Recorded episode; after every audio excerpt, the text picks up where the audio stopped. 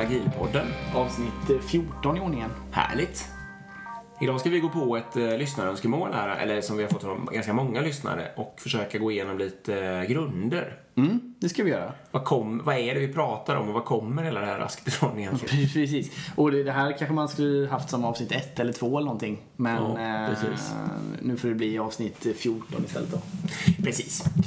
Ehm, jo, och då tänkte vi så här lite att eh, ordet agil då, det kommer ju i det här sammanhanget. eh, Ordet agil är ju engel, agile är ju engelska och betyder smidig eller möjligtvis eh, lättrörlig. Ja, något sånt där ja. Och i det här sammanhanget så kommer ju ordet agil från 2001 när det var några människor som skrev det som kallas för det agila manifestet.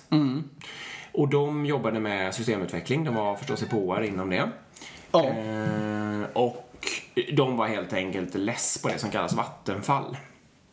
Precis. Nu pratar vi inte företag där. Så vi tänkte att vi ska börja och ta lite fart i vad är systemutveckling? Så de Eh, gick till E.ON lite snabbt. Och sen kanske gå igenom det här med vattenfall och så också. och lite se det här. Ja. Eh, vad, är, vad, är, vad, är, vad är ett datorprogram? Ja, är en bra fråga. Det är en här filosofisk fråga som jag kommer ihåg från när vi pluggade på universitetet. Då fick man säga, vad är ett dataprogram? Nej men egentligen är det ju, det är, väldigt, det är ganska simpelt. Det är, det är det mesta vi, vi använder idag. Men jag menar, ta Instagram, appar då till exempel. Ja. Eh, Så Facebook, de har ju också webbsidor. Sen finns det ju allting då från webbshoppar eller liksom företagsportaler och sådana grejer då. Men sen finns det även mycket mjukvara som styr hårdvara. Ja. I form av bilar, finns det mycket mjukvara i flygplan och så lastbilar, mm, ja, fordon överlag liksom. Allt det där är ju datorprogram. Ja. Eh, Det är ju en dator som räknar ut när det ska smälla i en modern dieselmotor till exempel. Eller eh, hur någon rymdraket ska hitta rätt eller vad som helst. Ja, nej men precis, absolut. Eh, Men det var ju bra exempel där. Spotify och här saker är ju också datorprogram förstås. Yes. Ehm, och de där skriver man ju då. Det har ju varit ofta på tapeten att de skulle bli mer och mer liksom att man bara flyttade små fyrkanter och sånt där och drag and drop och så. Men det, än så länge så är det väldigt mycket kod. Det är alltså särskilda eh, språk som man skriver i för, för att datorn ska veta vad den ska göra. Och det typiska exempel kan ju vara .NET eller Java. De, Det är väl de stora ja. Ja, vi svänger oss med ibland. ja. Ehm, Precis, och det är alltså kodspråk som man då använder för att skriva. för att instruera en dator i vad den ska göra. Skriva ett program. Ja. Eh, och, och då är det ju, det är ju en specialitet att kunna det då. Alltså, precis. Och det är man- otrolig bristvara på också idag ska jag säga. Jag såg på i nyheterna här nu att eh, det är jättestor arbetskraft, eh, speciellt i Stockholm och inom byggbranschen. Men det som var absolut mest eftersökande det var just utvecklare, alltså programmerare. Och jag såg att Tobii, de här som gör eye-tracking eh, grejer, har du hört om dem? Mm, nej. Nej, det är ett företag som har startat upp i Stockholm. De, sö- de har över 45 annonser ute på utvecklare som de inte hittar folk till. Alltså det är inte, ingen som har sökt helt enkelt. Ehm, så det är en bristvara. Och det här, de, de här människorna benämns ju då eh, programmerare, systemutvecklare, utvecklare och, och sådana saker. Ja, Och det, man pratar om ungefär samma sak, det var det jag bara skulle poängtera. Eh, sen kanske vi ibland svänger oss med uttrycken back-end och front-end. Och då är ju, om man delar upp sitt program i sådana delar, vilket man väldigt ofta gör nu för tiden, så är fronten det är det man ser då liksom. Det, man klickar på, liksom. Det man klickar på, exakt. Och det är ofta webbsidor då kan det vara, men det kan vara appar och lite vad som helst förstås. Backend, det är ju den, där, där det tänks, affärslogiken som det brukar kallas. Det som händer i bakgrunden. precis. Eh. Och det kan vara så då att eh, antingen så är en sån här utvecklare, programmerare då antingen specialiserad på något kodspråk. Alltså man kan vara då väldigt duktig på Java eller .NET eller både och. Eh, det kan också vara att man är duktig på just frontend, alltså man gillar då kanske mer designen och göra färger och GUI och sånt som lockar. Ja. Eller så gillar man mer då logik som kanske är då, ja, mer backend eh, hållet. Och sen så kommer ju även test in. Eh, Alltså man, man testar sin mjukvara. Och den landar ju också såklart på utvecklaren. Det om man tittar tillbaka lite så finns det också rena testroller alltså som bara jobbar med det. De skriver ju liksom kod för att testa. Så de utvecklar kanske inte ny funktionalitet men det finns, de skriver liksom automatiserade tester. Så de är också per definition utvecklare då. Men det, det blir mer och mer vanligt att, att, man, att man som utvecklare kan allt det här. Vad kallar man då? Då kallas man för full stack. Just det. För kring det ordet också. Det är någonting som har blivit populärt, jättepopulärt de senaste åren. Och det är ju att man istället då är bred och kan, kan liksom ta, göra allt egentligen. Alltså man kan flytta sig efter vad behovet finns. Och det är också väldigt bra för om, om man som person försöker bygga någon form av, eh, om du och jag gör ett företag igen då. Och så ska vi göra någon applikation här. Vi har ju svårt att på förhand säga hur mycket fronten-personal respektive backen-personal behöver. Alltså vi behöver ju någon som kan göra allt liksom. Så det blir ju, just om man vill gå in i en agil kultur så är det en väldigt stor fördel att ha personal som är så full stack som det går. Och det här gäller inte bara systemutveckling förstås, men om alla kan göra allt eller har en chans att hjälpa till på många ställen, då blir just hela organisationen mycket smidigare. Ja, och där kommer man in på ett begrepp också som är T-shaped. Och det är ju mer, man har djup i någonting då, men att man har full, fortfarande kunskap i de andra områdena också. Precis. Uh, ja men det, det är nog om, nog om program och uh, data ja, kanske. Men, precis, men eh, för, för alla er nu som inte alls håller på med det här så är det där bara en liten grundkurs då i, i det, de här termerna vi brukar svänga oss med. Ja, absolut. Och, ja, agil kultur kommer ju från den här världen, det är det vi säger. Men nu tror ju vi att man kan använda ett agilt förhållningssätt till lite alla möjliga saker. Absolut. eller ja. dagis eller... Ja, ja. ja absolut. Så är det. Och, men, men vi, tänder, vi, vi stannar kvar lite i IT-världen, eller i systemutvecklingsvärlden tror jag. Eh, mm. I och med att det var därifrån det kom. Eh, och så kan vi se sen om vi, om vi kan koppla tillbaka till när man kan använda det i andra områden. Och det har vi pratat om Precis. innan också. Ska vi säga det vad det var en reaktion mot då? Mm. Eller på? Det är ju själva Vattenfalls metodologiken. Mm. Eh, Vattenfall är ju egentligen att man liksom gör allting, eh, ja, det, varför det heter Vattenfall det är för att det ser ut som ett vattenfall rent. Precis. Det rinner åt ett håll. Ja, det rinner åt ett håll precis. Och det är ju uppifrån och ner. Ja. Och det är väl egentligen då, om man förenklar lite nu, det finns många mer steg än vad jag kommer nämna, men då är det först att man designar någonting. Mm. Precis. Kan då vara, vi gör på, precis, vi, vi, vi ritar ut vad vi tror det ska vara. Och sen så behöver vi kanske då utveckla den och sen när vi utvecklat klart allting, då testar vi det. Mm. Och när vi testat allting, då släpper vi liksom det till, precis. till vår slutanvändare. Och det här är ju då ofta en väldigt lång tid och så finns det väldigt mycket planer uh, ut med vägen då när allt detta ska ske liksom. Och så finns det olika dokument och olika saker du ska göra. Så jag menar själva Tittar man på själva Vattenfalls metodologi, det är väldigt mycket dokumentation. Mm. Det är väldigt mycket, det är långa ledtider. Man mm. jobbar inte alls med feedback. I alla fall inte snabb feedback. Nej. Utan man jobbar med liksom att okej, okay, jag ger det ja, ett uppdrag. Inte det vi menar med feedback kanske man ska säga. Nej. Du kan säkert tycka det, men inte det vi. Nej, inte det vi menar med feedback.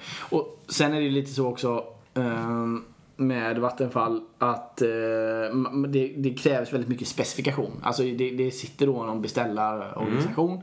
som då ska skriva liksom gärna så sinnessjukt detaljerat det bara går liksom. Mm, Tiotusentals sidor som man sen då utvecklaren ska kolla på och utveckla ifrån liksom. För att om det blir, om man, då, man kan ju dessutom koppla någon slags betalmodell på det där och då vill man veta vad det ska kosta och då är ett krav, ett baklängeskrav är då att det är så himla noga specificerat så att man ska kunna räkna ut exakt vad det ska kosta. Exakt. Och så ska man sätta igång det där maskineriet med en liten knapptryckning och så ska det hända då liksom. Och, ja. Eh, och det funkar ju, inte, vet vi, väldigt sällan eller inte alls eh, i praktiken. Men, men det är ju det som är liksom teorin bakom. Nej, och, det är precis, och det är väl det de, det, det är väl de som skrev det här agila manifestet då tröttnade helt enkelt på att ja. se att det aldrig funkar. Och vi, vi har nämnt det lite innan men vi kan nämna det igen och det är lite som jag brukar förklara agilt när jag får frågan är eh, att om man bygger ett hus till exempel och så bygger man en radhus och så ska man göra hundra sådana. Variationen på när detta kommer bli klart är ganska liten. Mm. Eh, det kanske handlar om en månad eller någonting mm. Eh, som, som störst avvikelse liksom. Och det gör att, eh, att det man kan göra det är ganska godtagbart. Okej, det blir fyra veckor sent, mm. det är fine liksom. Men när man pratar systemutveckling mm. så är det så otroligt komplext för det är inte ett färdigt hus som man bygger om liksom. Utan det är en helt unikt mm. anpassad program bara för liksom det här. Och man kan inte på förhand veta hur stort det ska vara, var alla rum ska vara, var alla tavlor ska sitta. Alltså, ni förstår, det, det, det blir omöjligt. Eh, så därför blir variansen många gånger år. Ja. Eller tusentals timmar. Eller, precis, precis. eller sinnessjukt stor precis, faktor kan man kalla det. Eh, och det gör liksom att användaren då den här eh, Vattenfalls eh, på IT blir väldigt missgynnsamt. Och det var väl det de insåg att ja. det är väldigt tajta planer. Utvecklarna då, de som skriver den här koden, får ofta allt ansvar och all skit för att det inte går. De har ofta själv inte gjort planen utan de får planen Precis. på sig liksom. Eh, och det är säkert någon annan som har uppskattat hur lång tid det ska ta och sådär. Så det är väl det som gör att, att, att folk börjar inse att okay, det här funkar inte, vi måste göra något annat. Ola hade ju något bra, eh, han kallar det där för något bra. Alltså att eh, när man har beroende faktorer med väldigt hög varians, då blir just, det blir helt oförutsägbart liksom, Ja. det, det totala utfallet. Eh, jag ska säga också att för länge sedan så var det ju, nu pratar ju vi lite så om att vi har utvecklare och testare och att vi kanske delar in dem i backend och frontend och så. För länge sedan så försökte man ju dela in det där i massa andra tekniska roller så det skulle sitta någon och spesa, men det kanske man gör fortfarande i vissa fall. Och, och sen skulle någon liksom ha mera kodapa då på något sätt och, ja, och så vidare. Och så testare var ju definitivt en egen eh, profession då. Och, och det var ju, för, ja, bidrar ju till det här vattenfallstänket och man gör en liten, liten del, specialiserad del längs den här långa banan av eh, saker som behöver göras och den ska man vara jättesnabb på då. Men i praktiken så har det ju visat sig missgynnsamt. Ja, och sen det ska som sägas då, det, det som många projektledningsmodeller eller sånt eh, gör då här, det är att de hjälper till att sätta olika gatepoints eller vad man kallar det. Eh, som är då att, okej, efter ni har gjort designen då finns det en checklista, har ni gjort det här liksom? Och så finns det då massor med olika dokumentmallar man ska fylla i då. Eh, ja men det är lite det som är Ja, projektledningsmodell idag. Precis. Eh, och sen så ska man då följa det här med olika beslutspunkter liksom. Så då kan man säga det att okej, då har jag en styrgrupp. Nu har jag gjort designen, då är det dags för beslutspunkt 1. Och då ska vi träffas allihopa och då visar jag upp alla 40 dokument jag har fyllt i med all så. Ja. Och så säger man bra, vi går vidare till beslutspunkt nummer 2. Ja. Och så jobbar man vidare så liksom. Ehm, och det är, väl, det, det är väl så liksom projektledning och den här vattenfallsmodellen har gifts samman på så sätt. Ja. Eh, exempel på det är ju då RYP. Ja. Exempel. Det är Ja. väl en Microsoft-produkt, tror jag. För att börja, eller var det IBM? Ja, det- IBM är det. Förlåt. va? Det är IBM. ser- IBM är det. Eh, Det står för Rational Unified Process. Process, precis. PPS finns också. Praktisk projektledning från Tieto. TT-nator. Ja. Praktisk projektstyrning, tror jag det är. Mm. Styrning kanske. Eh, precis. Och sen uh, ITIL är också något sånt exempel då. Liksom. Men det är mer, det är kanske inte projektlednings utan det är mer operations Det drift, kommer från liksom. den delen. Ja. Men det gör anspråk på hela kakan också. Ja, det men, det men det är starkt inom operations. Ja. Ja, just det. Och om vi nu är i det här grundavsnittet då ska vi väl vara noggranna. Så när vi säger operations då menar vi det här alltså att det drifta joxet, alltså att hålla igång datorerna och alltihopa. Och det är en, ofta en annan organisation som gör och sådär. Eh, som man ofta, den utvecklande organisationen ofta tight behöver samarbeta med. Mm, helt rätt. Och på tal om det så såg jag statistik, eller en statistik, men jag såg en gissning från Gartner. Att 2018 så säger man att 10% av alla organisationer kommer eh, stänga ner deras on-premise datacenter. Och alltså on-premise datacenter är ju alltså att de själva har driften då. Så man kommer lägga ut det helt enkelt på ja, molnlösningar och så vidare. Mm. Lite som skillnaden, om ni tänker så här för fem, tio, fem år sedan. Då gjorde man kanske egna backuper så att man kanske hade lösa hårddiskar och så. Mm. Det kanske man gör fortfarande av någon anledning i och för sig. Men väldigt ofta nu för tiden så eh, har man ju det i molnet istället. Ja, Dropbox, eh, Exakt. Google Photo eller vad det Ja. kan vara. Och man har kanske en kopia av sin telefon också, så när man ska installera om den så bara blir den ganska lik sin förra telefon Mm. sådär, när, man, när man byter telefon. För länge sedan så fick man ju liksom börja från början igen istället och förlorade kanske allt som låg lokalt ifall att den eh, dök ner något vattenbad eller något sånt där, om det slutar på det viset. Absolut.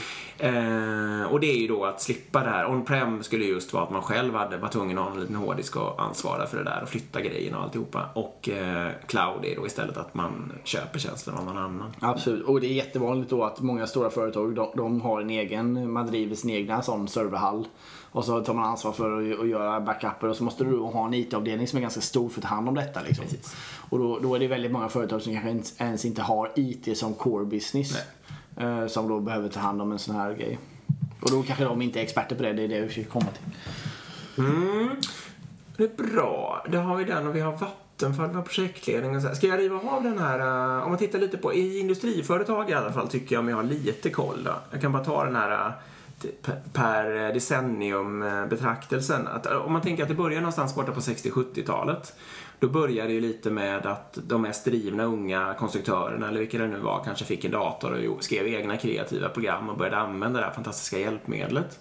Eh, Och då var det väldigt mycket ett lokalt ansvar. Nu pratar jag alltså organisation egentligen. Sen kom den här, man började se att det fanns faktiskt fördelar med att skriva ett större program som eh, spände tvärs över hela företaget. Typiskt kom eh, stordatorn då. Och då började man kanske på sent 70-tal och på 80-talet att skapa eh, egna IT-avdelningar då, men som ändå liksom var helt insource, alltså helt inuti företaget. Sen på 90-talet kom den här eh, outsourcing-eran när många företag märkte att man ska vara duktig på sin egen eh, kärnverksamhet.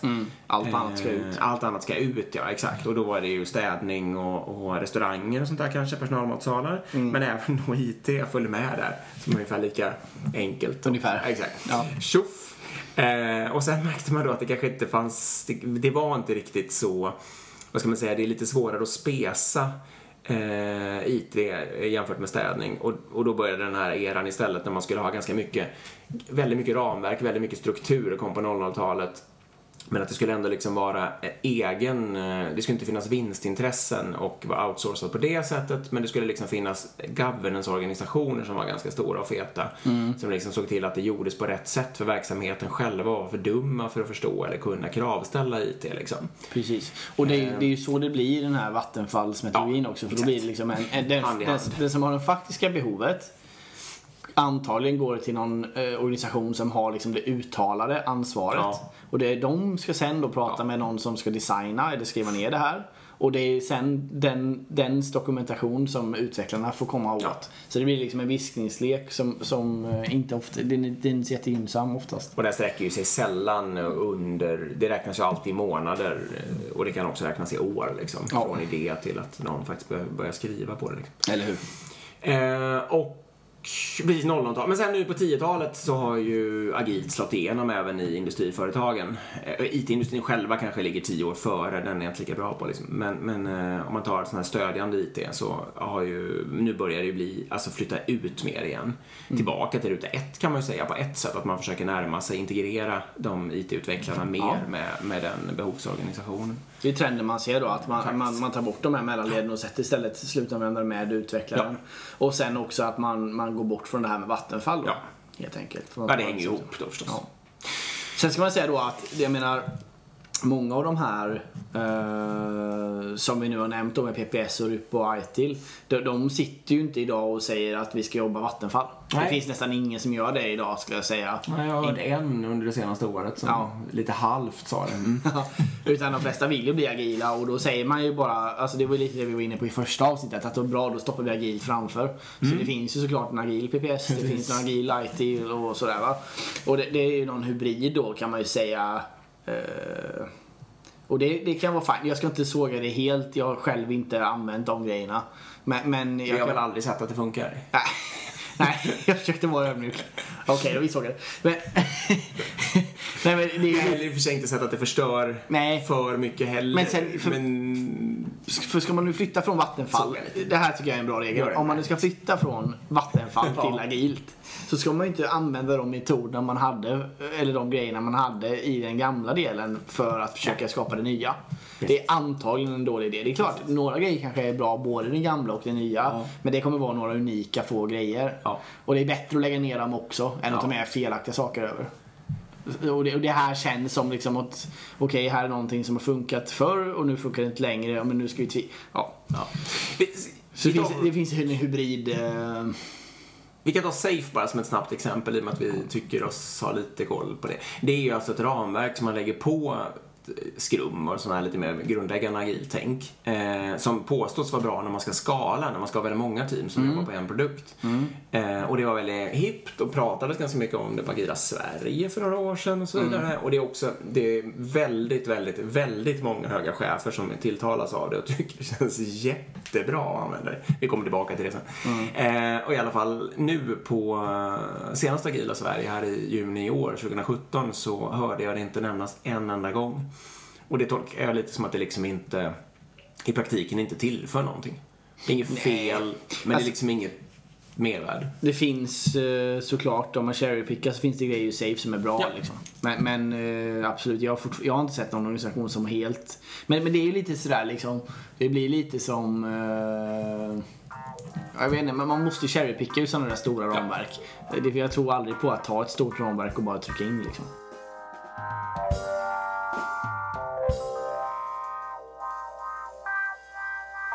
Vi, vi går över på det här med bara, för vi nämner agilt och så har vi nämnt scrum någon gång och man hör XP och kanban och sådana grejer. Då. Vad är det? Jo, så vi säger då att agilt är själva samlingsnamnet, det är det vi pratar om mer. Och, och det är ju alltså då, vi, vi har fortfarande egentligen inte sagt vad det är utan vi har bara sagt vad motsatsen är och det är vattenfall. Vi kommer nämna mer om, om de agila grunderna kanske men om vi nämner agilt så finns det olika metoder sen då under det här agila och det är till exempel då scrum. Och scrum är ett sätt att göra det på just idag då, som man tycker är finurligt. Ehm, och det är ju just då att man, man, eh, man har stand-up möten eh, varje morgon när man träffas och så pratar man om vad man ska göra.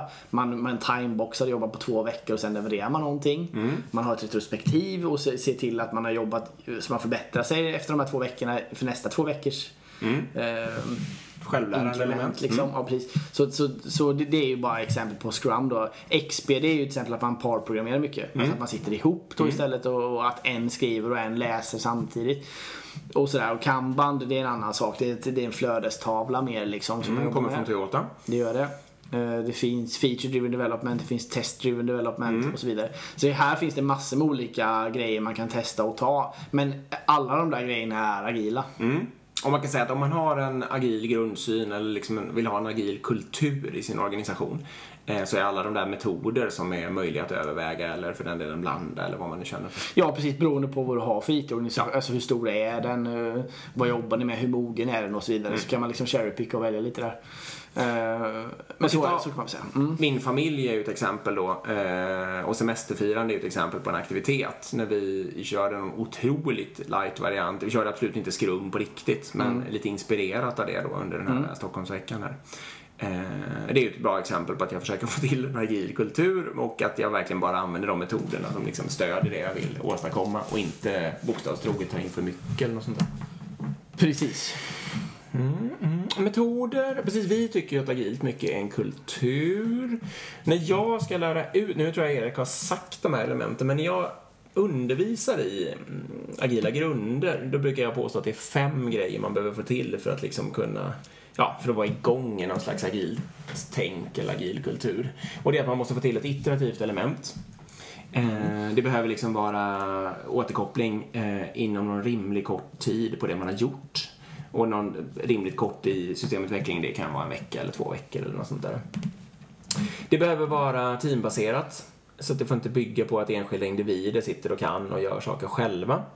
Precis. Och det, det, eh, jag kan ju bara då snabbt, jag, om jag är vattenfallsmänniskan här, eh, så på, på, nu missar jag den första då, men på iterativt, då är det ju snarare att man har en stor leverans på slutet. man kastar precis. allt över muren på slutet. Precis. Team, det, det jobbar man ju helst inte med utan man har ju nyckelpersoner. Precis. Någon viktig arkitekt som sitter på liksom nycklarna. Sen har man en utvecklare som kan en del av systemet och en utvecklare som kan en annan del och så vidare. Och då resursoptimerar man ju väldigt ofta. Eh, om någon råkar kunna något så kör man den fullt ut på det liksom. För att det då är, går det fortast. Och det gör det ju också just den dagen så att säga. Men man fastnar. Ehm, sen tycker jag då att det behöver finnas någon form av självorganiserande element i det här. Det får inte vara toppstyrt. Eh, teamet behöver liksom själva välja vem som ska göra vad och när och när det ska vara kafferast och lunch och så vidare. Det måste inte, man måste inte dra det hela vägen att, att, att man liksom kan göra sin egen årsplan och välja när man ska semester och sånt där. Det, där kan man ha olika nivåer. Men just exakt vem som gör vilket arbetsmoment när, den, i det lilla, det måste teamet själva bestämma. Mm. Motsatsen där då är ju självklart att eh, det är någon annan som gjort en plan när saker ska göras. Och även om vi går tillbaka till det här med resursoptimeringen så är det ju också väldigt, väldigt vanligt att det finns på ett företag, säg 20 personer som jobbar, men det är tre som är supertjokare och de andra har ingenting att göra. För de tre är liksom nyckelpersoner i alla projekt och ska med överallt. Så fastnar allting på det. Ja, Mitt fjärde element är att det måste finnas någon form av verklig prioritering. Någonting måste vara viktigast och det behöver liksom vara styrt utifrån eh, verksamhet eller användarbehov på något sätt. Eh, Och där är ju då den klassiska lösningen är ju eh, att hålla sig med en backlog som börjar med något och slutar och går neråt. Liksom. precis. Men, men, Stoppar man projekt eller initiativ i en backlog så blir det ofta en portfölj. ja. Ehm, och det, behöver, det klassiska lösningen just nu är ju att köra med produktägare, det har vi pratat om förut. Men på något sätt så behöver man ju få någon att ta ställning till vad som är absolut viktigast i den där och så verkligen börja med det på riktigt. Eh, och det sista, vi pratade du om alldeles nyss också, det är att det behöver finnas ett självlärande element. Man får absolut inte tro att eh, det som vi gör nu är, kommer vara något vidare värst om några månader. Liksom, utan du måste hela tiden sträva efter att bli bättre på det här. Ja, det är bra. Eh, ja, och det är retro kan man ju köra till exempel, men det kan, kan ju finnas massa metoder för det. Precis, och där, där tror man ju då liksom i agilt inte riktigt på att att man kan dokumentera ner detta liksom och så ska alla göra på samma sak Nej. och samma sätt utan ehm, och prioritet är också väldigt vanligt. Gå till vilket projektkontor som helst i, i Sverige som jobbar med IT så kommer du se 15 prio 1-projekt, Ja, precis. 20 prio 2-projekt och så vidare. Och nej, alla måste Ja. vara samtidigt och sådär. Det kan vara värre också. Det kan vara, nu, 15 och 20. Det kan ju vara 32 prio 1-projekt och 3 prio 2-projekt. Det tycker jag faktiskt är en sjuka som har spritt ut Ja. sig. Att, och sen är det ingenting liksom. Nej, och sen, nej precis, det är väldigt vanligt. Och sen så måste alla de där 32 såklart bli klara för de är beroende till varandra. Och det finns på en karta bredvid liksom. Ja, nej men så. Eh, Det, det ska sägas också att det är ju, en- du touchade det, för den som är intresserad av lean och lean production så är det ju en skillnad där. För där eh, försöker man ju väldigt mycket åstadkomma återupprepbara arbetsmoment och det är jag i sig absolut inte emot. Nej. Men där jagar man ju det, det är liksom en grundsten i det. Ja. Det är det ju inte riktigt på samma sätt i agilt. I agilt är det ju mer att, att människan ska- som gör arbetet ska tänka själv hur det gör sig bäst och, och tillsammans med sina, de andra i hens team. Liksom. Mm. Det är stor skillnad. Eh, Mycket stor skillnad och eh, mycket viktigt att förstå. Man, för man ska inte tänka att lean och agilt är samma sak riktigt, även om de är någon slags syskon eller kusin. Nej, precis. Sen, sen rimmar de väldigt ofta. Gillar man lean, då gillar man agilt. Ofta det så. De, de har- touchar varandra på ett väldigt fint sätt. Och de är ju bägge väldigt, väldigt flödesorienterade. Mm. Det är ju det de har mest gemensamt. Så att säga. Så vi går in på manifestet. Ja, vi går tillbaka dit lite. Ja, va? 2001 är vi på då. 2001 är vi i så fall. Eh, några blev irriterade på... Det är- De här, de här utvecklarna blev då på, på, irriterade på Vattenfall. Vi har ju tagit det här snyggt ju. Eh, och hittade då på det här agila manifestet. De är kanske 10-15 pers eller vad de är som har skrivit under. Något sånt där ja. ja. Eh, Det går att googla om man vill veta mer. Mm. Det finns, det innehåller i alla fall fyra stycken värden. Mm. Och de ska vi nog försöka säga här fritt ur huvudet. Och tolv stycken principer. Mm. Eh, principerna får ni googla fram själva om ni vill, vill ha dem. Mm. Eh, värdena är i alla fall att till exempel då, när, när jag skrev 2001 så var det att eh, man, eh, vad ska man säga, jag ska börja säga så här. Eh, det står någonting på vänster sida och så, så står ordet framför och så står det någonting på höger sida. Så man liksom pekar ut vad som är viktigare än annat. Och då- Precis, och då är det lite Vattenfall. Kan man ju säga på högersidan. Så då står det så här att eh, fungerande mjukvara är viktigare än omfattande dokumentation. Precis. exempel. Det är en grej. Ja. Och det, det är viktigt att säga då, det, det är det du försöker komma in på också tror jag, men, men det är ju just att fungerande mjukvara är viktigare än dokumentation. Men det säger inte att fungerande mjukvara utesluter dokumentation. Nej, precis. Och många tolkar det så. Ja, man ska inte dokumentera något i, i uh, agilt liksom. Men ni ska förstås dokumentera det som behövs, liksom, och som är rimligt och så vidare. Eh, men inte på bekostnad av eh, att få fram en fungerande mjukvara. Precis. Eh, sen är det ju människor och interaktioner eh, framför processer och verktyg. Yes, Mm.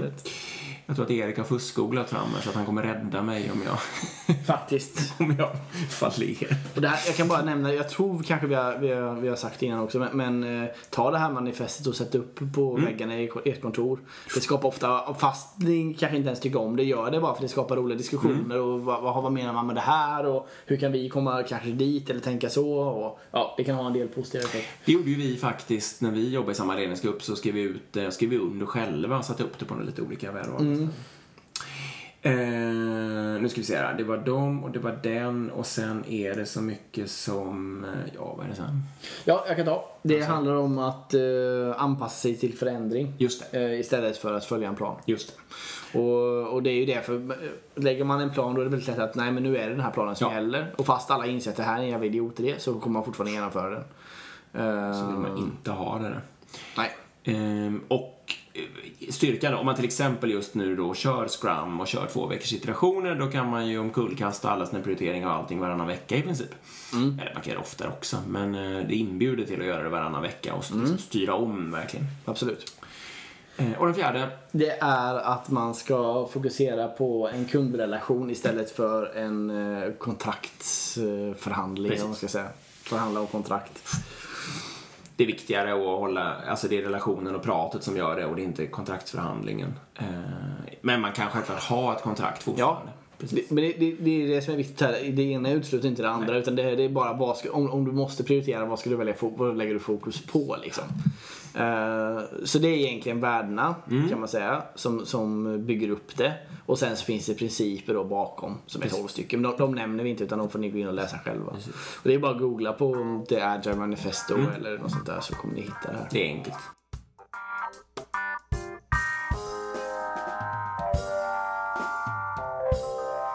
För jag menar, när vi pratar om det så här så, så måste ju alla undra, eller alla måste tänka, va, va, va, vem vill jobba med Vattenfall? Ja. Varför vill inte bara alla göra agila organisationer från och med idag och så bara kör vi på Ja. det? Men, men det är ju ett otroligt motstånd. Ehm, och det är ett motstånd in, internt på IT men också såklart från beställarorganisationen om man har en sån. Ehm, som bara, men vänta nu om det inte finns en plan, hur, om inte jag vet vad det här kostar, vänta, Ja. vänta, vänta, lugn, vad ska jag, sådär va. Ehm, Jättevanligt. ja. Ta han, eh, nu har jag tjatat om den i vartenda avsnitt här, men den här, eh, en, det var en projektledare va, i Brasilien som inte kunde gå igång med ett 30 000 timmars projekt för att det inte allting riktigt var spesat än. Man visste inte riktigt vad allt, det mesta var spesat men inte riktigt allt. Nej precis, inte tillräckligt för att köra igång det. Och då så frågar Erik, eh, motfrågar då du så här, men brukar det bli rätt eller något sånt där? Och så skrattade han bara.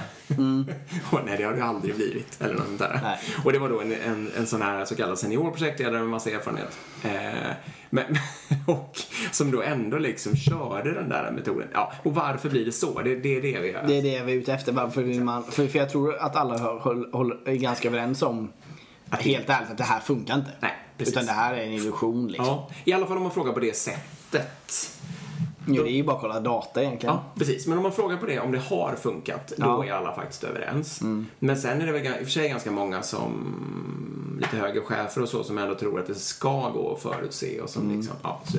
Vi, Så där börjar det skilja sig. Mm. Innan vi bara går in här så ska vi, bara, ska vi ta den här pengafrågan en gång bara lite också snabbt. Ja, kör. För, Kör. för jag tänker att det, det är många som hänger upp sig på också. Ja. Men, men, men vänta nu, det här kan vi inte starta igång om vi inte vet exakt hur mycket Nej, pengar det kommer kosta. precis. Och det, man, det man istället då kan vända på det och tänka i en agil värld. Det är ju Mm. liksom att okej men låt oss sätta sätt en, en, självklart kan vi inte bara säga att det här får kosta vad som helst.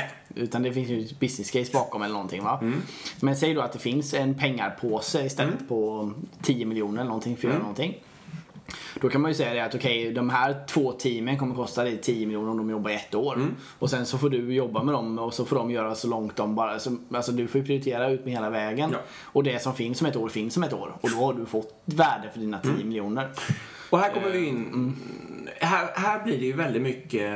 Det kan bli på gränsen till maggropskänsla, men det kan finnas metoder också. Men här får man ju då på något vis ta kloka människor som kan jämföra med tidigare aktiviteter. Så får ju de titta lite på ungefär hur stort är det här affärsvärdet som man försöker uppnå. Och så får de helt enkelt tänka, tror jag på fullaste allvar att det räcker med två team i så här många, i ett år eller vad det nu är för någonting. För att någorlunda eh, lyckas uppfylla det här. Och om man då känner, jo men det, det kommer ju gå liksom. Eh, då är ju det, då har man ett business case. Eh, och känner man tvärtom då att nej, det är nog snarare tio år liksom. Då, då har det ju hänt för mycket. Då ska man ju snarare eh, ställa in eller raskigt liksom. Och jag får jag bara koppla till, din, till den gamla Danmarksresan. Ja. För där är det ju verkligen så. Mm, det är en klassiker. Ja. Eh, Det är klart det går att försöka räkna ut vad varje öl kostar, hur mycket lyckokänsla den ger och hotellet kostar och så vidare. Och så vidare.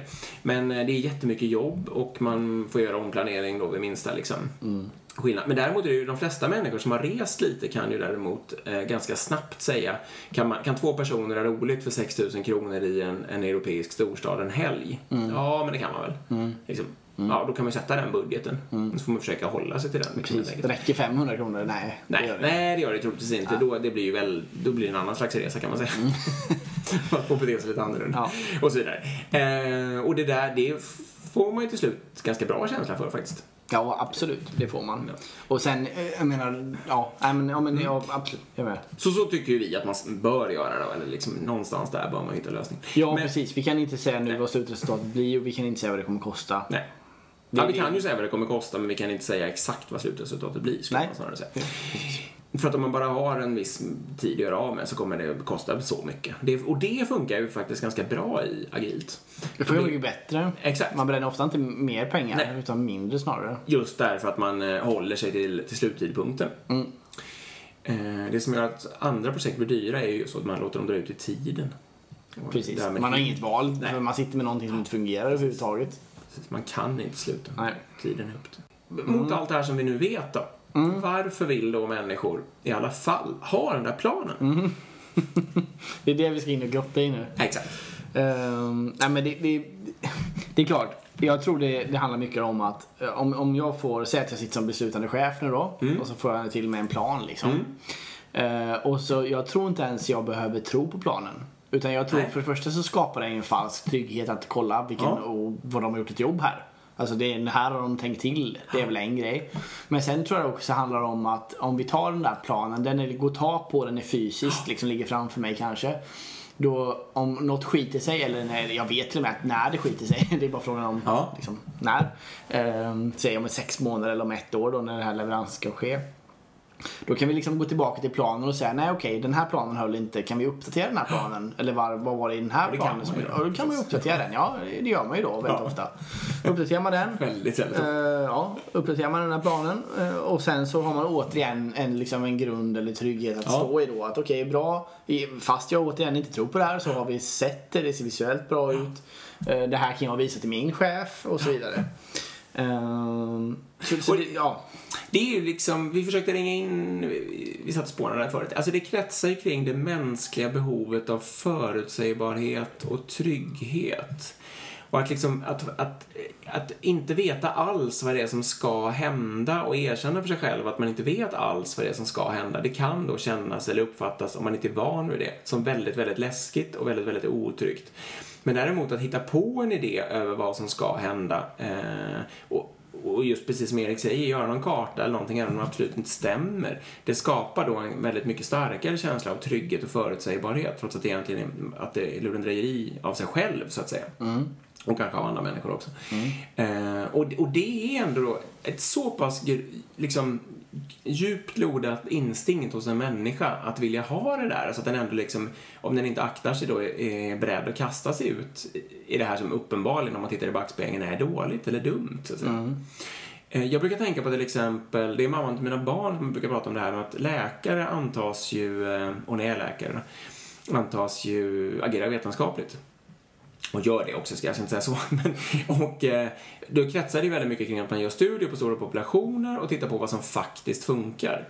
Eh, och om man liksom inte jobbade så, eller om man, som man jobbade för väldigt länge sedan så jobbade man i princip bara med eh, åderlåtning och eh, att inte göra någonting.